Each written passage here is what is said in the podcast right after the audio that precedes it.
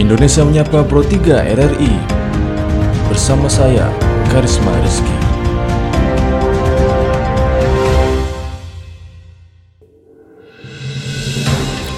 Dari Medan Merdeka Barat 45 Jakarta, inilah Radio Republik Indonesia dengan Warta Berita bersama saya, Karisma Rizky. Sari Berita. Komisi Pemilihan Umum KPU Republik Indonesia menegaskan akan kooperatif untuk menyelesaikan kasus suap yang menjerat Komisioner Wahyu Setiawan. Rencana pemerintah mendatangkan para nelayan dari Pantura harus didiskusikan terlebih dahulu dengan para nelayan di Natuna. Inilah warta berita selengkapnya. Komisi Pemilihan Umum KPU Republik Indonesia menegaskan akan kooperatif dan siap memberikan informasi tambahan jika diperlukan penyidik KPK untuk menyelesaikan kasus suap yang menjerat Komisioner Wahyu Setiawan. Laporan disampaikan oleh Joshua Sihombing. Penyidik Komisi Pemberantasan Korupsi menyambangi kantor Komisi Pemilihan Umum Republik Indonesia di Jalan Menteng, Jakarta Pusat. Kedatangan penyidik KPK bersama dengan sejumlah aparat personel kepolisian tersebut untuk melakukan penggeledahan terkait dugaan penyuapan pengurusan pergantian antar waktu atau PAW anggota DPR RI fraksi Partai Demokrasi Indonesia Perjuangan PDIP yang juga melibatkan Komisioner KPU RI Wahyu Setiawan. Usai dilakukan penggeledahan yang secara khusus dilakukan di ruang kerja sementara Komisioner KPU Wahyu Setiawan, Ketua KPU RI Arief Budiman menjelaskan bahwa proses penggeledahan telah sesuai dengan prosedur. Kepada awak media lebih lanjut Ketua KPU RI Arief Budiman juga menegaskan bahwa dalam penyelesaian kasus pergantian antar waktu yang juga melibatkan jajaran Komisioner KPU RI Wahyu Setiawan, maka KPU tegas Arief Budiman siap untuk memberikan klarifikasi jika nantinya dimintai keterangan oleh penyidik KPK. Jadi kami tadi sedang sidang di Mahkamah Konstitusi, terus menerima pemberitahuan bahwa akan dilakukan penggeledahan, terus Pak Sekjen juga sudah mempersilahkan, sudah memberitahu dan juga sudah menugaskan beberapa orang untuk di situ membantu mempermudah proses pemeriksaan dokumen, pengecekan. Kemudian saya bersama para anggota KPU tadi juga sudah menemui di uh, tempat ruangan kerja Pak Wahyu. Kami juga sudah sampaikan prinsipnya KPU terbuka, kooperatif, ya siap bekerja sama bila mana diperlukan klarifikasi, informasi, tambahan dokumen. Kan kita belum tahu ya yang dibutuhkan apa gitu ya. Nanti kita siap bantu dan sediakan. Lebih lanjut Ketua KPU RI Arief Budiman juga menyatakan, kendati telah disegelnya ruangan kerja sementara Komisioner KPU RI Wahyu Setiawan, namun untuk penggeledahan terhadap rumah dinas Komisioner KPU Wahyu Setiawan, Arief menuturkan belum mengetahui secara pasti terkait pelaksanaan penggeledahan tersebut. Rencana pemerintah mendatangkan para nelayan dari Pantura harus didiskusikan terlebih dahulu dengan para nelayan di Natuna, dikarenakan mereka khawatir bahwa niat baik pemerintah tersebut tidak berjalan baik untuk nelayan lokal Natuna yang khawatir akan kehilangan hasil tangkap. Informasi tersebut kami hadirkan dalam sesi laporan khusus bersama Pradipta Hadi. Laporan khusus. Laporan khusus.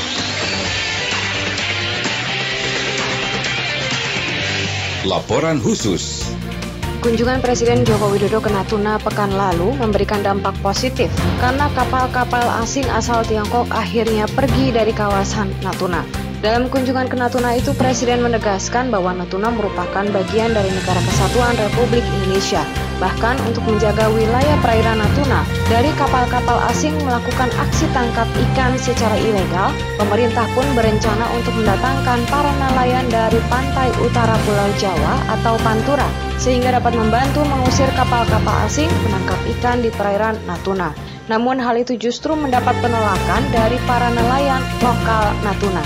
Salah seorang nelayan lokal asal Natuna bernama Adi Saputra menjelaskan bahwa mereka khawatir jika para nelayan Pantura datang ke Natuna lengkap dengan alat tangkap ikan yang modern, maka para nelayan lokal akan kehilangan tangkapannya. Sangat-sangat terganggu sebenarnya kita tidak bisa menerima itu karena dengan alat mereka yang cukup canggih dan modern itu sangat-sangat mengganggu hasil tangkapan daripada nelayan kita. Karena daya tangkap mereka itu hitungannya ton. Kalau kita di sini hitungannya ekor tak sama jadi sekali mereka menebar alat tangkap mereka yang modern itu membuat ikan-ikan itu pada takut dan lari. Jadi ketika nelayan tradisional datang ke tempat titik yang sudah koordinat yang ada karang ikannya, jadi ikan itu sudah tidak ada.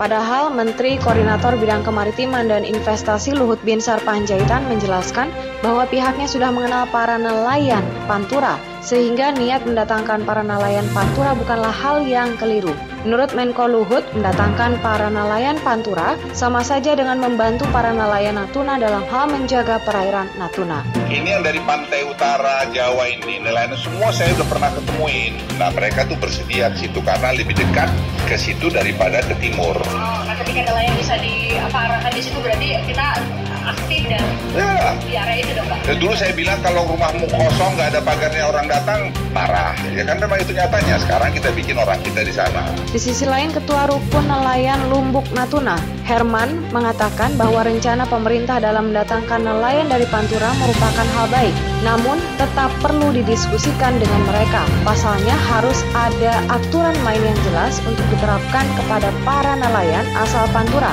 ketika mereka ingin menangkap ikan di perairan Natuna. Perkembangan di lapangan itu hampir 50-50 menolak dan iya. Tapi saya sudah komunikasi. Jangan ditolak dulu. Kita lihat dulu bersama niat baik pemerintah itu apa sebenarnya di Natuna. Kita cermati dulu. Kita duduk satu meja. Apa sebenarnya program pemerintah itu? Kalau untuk kebaikan kita bersama, ngapain kita tolak? Loh itu kan orang Pantura kan keluarga-keluarga kita juga NKRI. Mereka bebas sih, tapi kita buat aturan mainnya. Sebelumnya Menteri Koordinator Bidang Politik Hukum dan Keamanan Mahfud MD menyatakan pemerintah akan memobilisasi 470 nelayan dan sejumlah kapal ikan dari Jawa menuju perairan Natuna Utara. Hal itu dilakukan untuk mempertahankan Natuna sebagai bagian dari Negara Kesatuan Republik Indonesia. Untuk mendukung rencana tersebut, Menteri Koordinator Bidang Kemaritiman dan Investasi Luhut Binsar Panjaitan berencana memindahkan lokasi pangkalan ikan di Natuna dari selatan menjadi ke arah utara. Sekian warta berita produksi Radio Republik Indonesia. Pada podcast kali ini, fokus kami adalah penolakan yang disampaikan nelayan Natuna akan kedatangan nelayan Pantura yang dikerahkan pemerintah untuk melakukan aktivitas pelayaran atau penangkapan ikan di Laut Natuna Utara. Terkait hal tersebut, berikut ulasannya bersama dengan Ketua Serikat Nelayan Indonesia Pantura, Budi Laksana.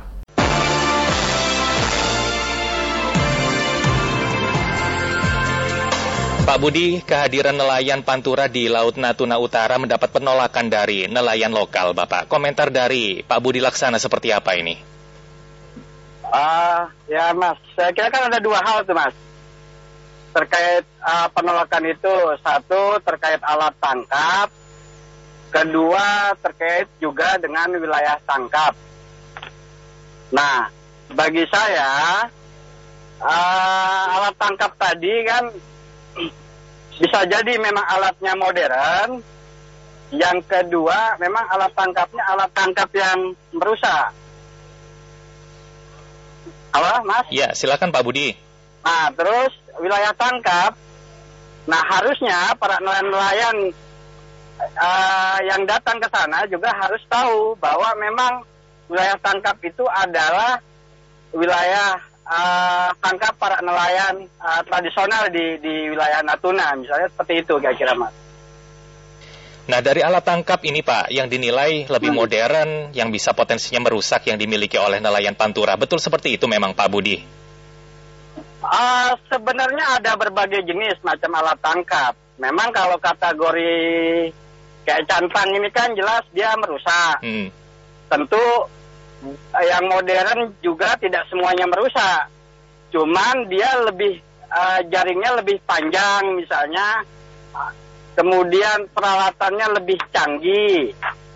Nah, itu itu sebenarnya yang memang uh, membuat kecemburuan sosial di antara nelayan uh, lokal dan Hmm. itu banyak terjadi tidak hanya kasus Natuna saya kira uh, hampir semua di daerah juga seperti itu nah jadi mereka uh, menyangka bahwa ikan-ikan di sana itu habis oleh nelayan pendatang yang memang peralatannya lebih Modern.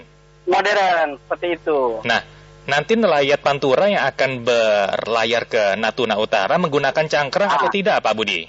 Ah, khusus untuk anggota SNI memang ah, hampir semua ah, tidak ada yang menggunakan alat tangkap merusak Hmm.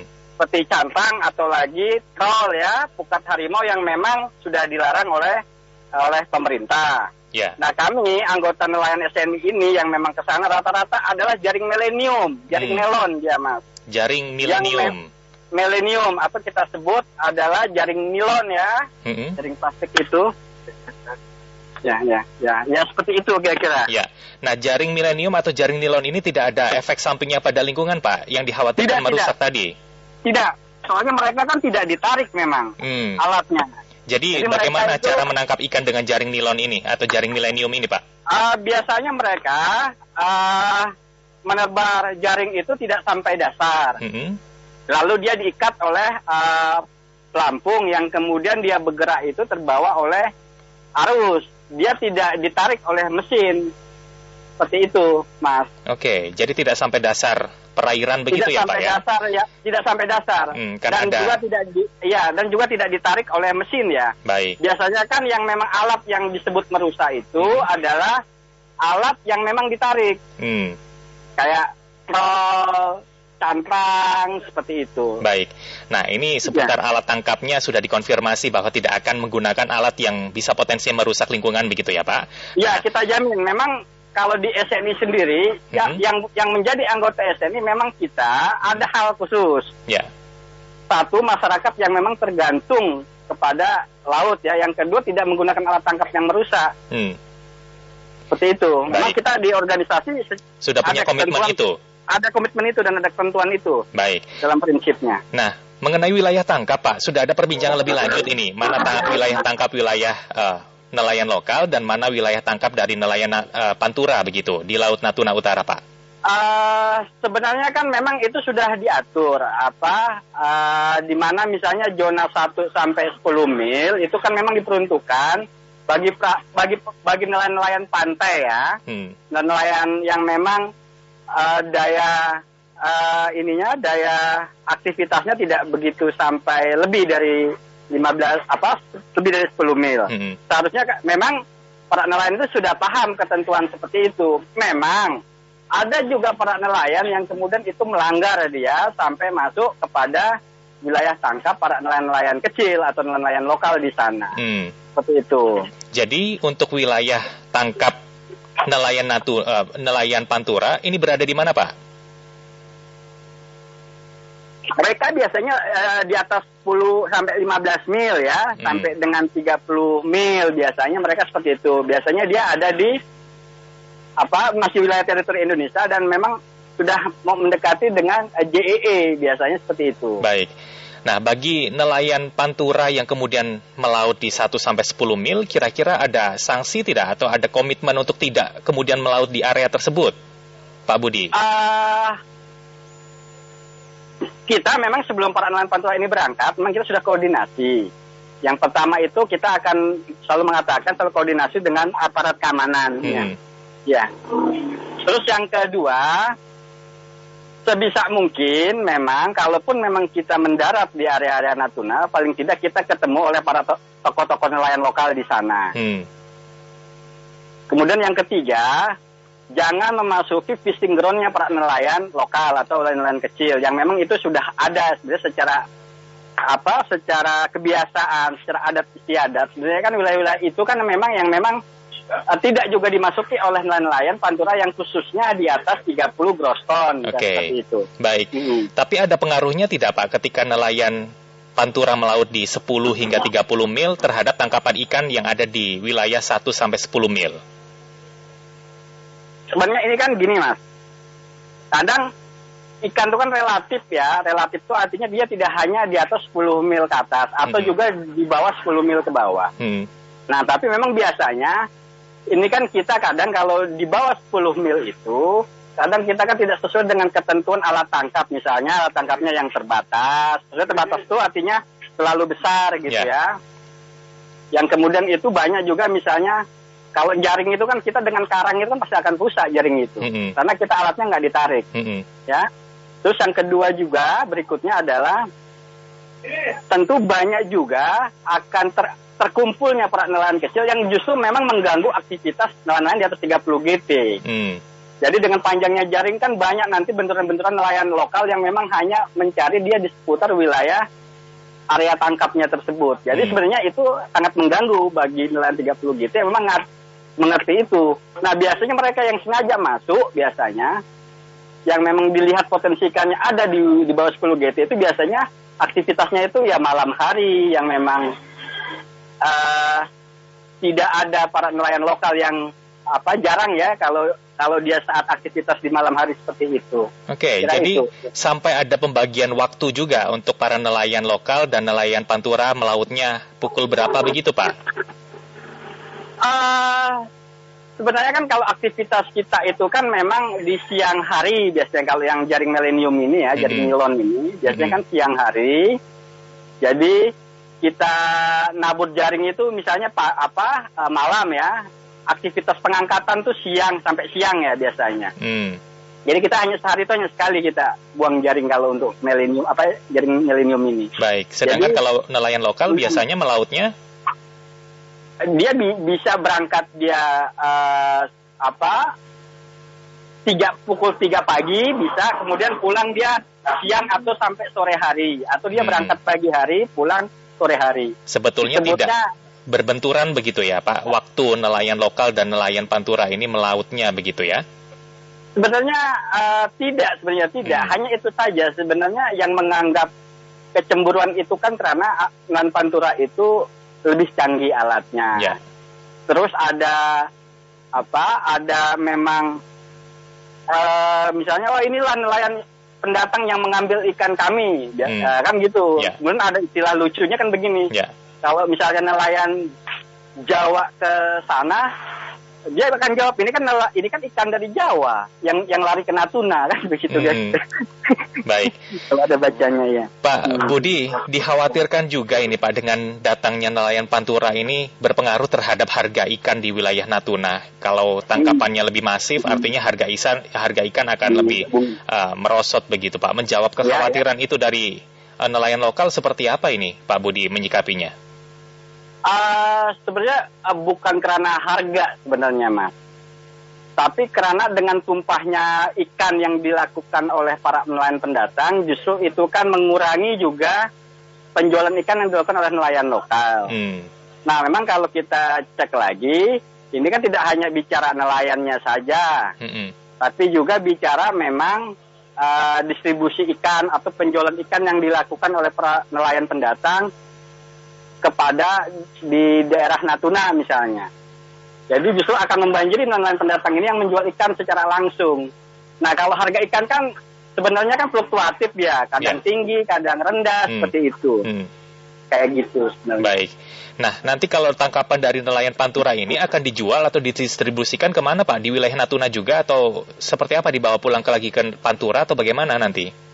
Biasanya kalau memang uh, ikan di Natuna itu uh, banyak, biasanya dia akan jual di daerah situ. Mhm. Kalau memang uh, penuh atau ada urusan administratif administratif yang memang harus diurus, misalnya izin usaha penangkapannya yang mau habis apa, biasanya dia kembali ke daerah asal, biasanya seperti Hmm. itu, kayak gitu. Baik. Nah, langkah selanjutnya akan ditempuh oleh dari Serikat Nelayan Indonesia sudah akan melakukan apa ya Pak? Musyawarah tidak dengan nelayan lokal? Bagaimana baiknya begitu? Ah, memang kalau tradisi nelayan itu sebenarnya kan tradisi silaturahmi, silaturahmi ya, Mas. Ya. Jadi i- ibaratnya nelayan ini kan tidak bisa lepas dari yang namanya uh, satu profesi, satu aktivitas yang tidak saling mengganggu ya. Hmm. Nah, memang masalahnya ini kan memang sebenarnya kan yang jadi masalah itu kan tentang area dan zonasi yang sudah diatur dan dikapling-kapling oleh daerah Mhm.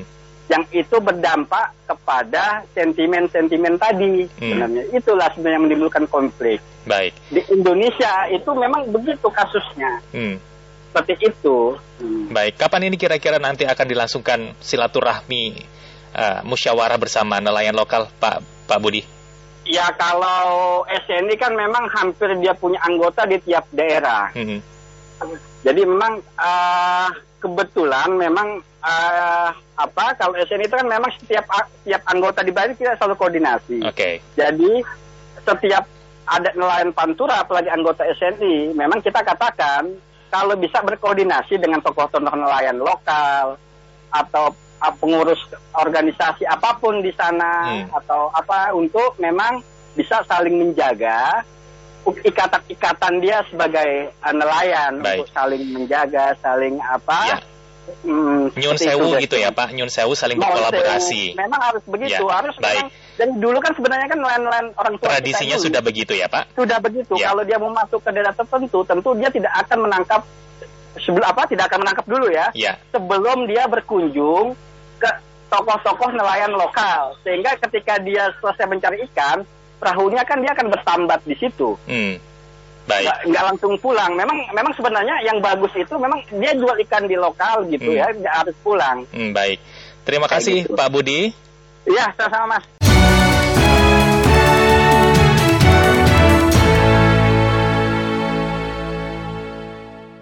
Pendengar, informasi tadi sekaligus mengakhiri perjumpaan kita pada podcast hari ini. Untuk Indonesia Menyapa Pro 3 RRI, Produksi Radio Republik Indonesia. Saya Karisma Rizky undur diri, sampai jumpa, salam.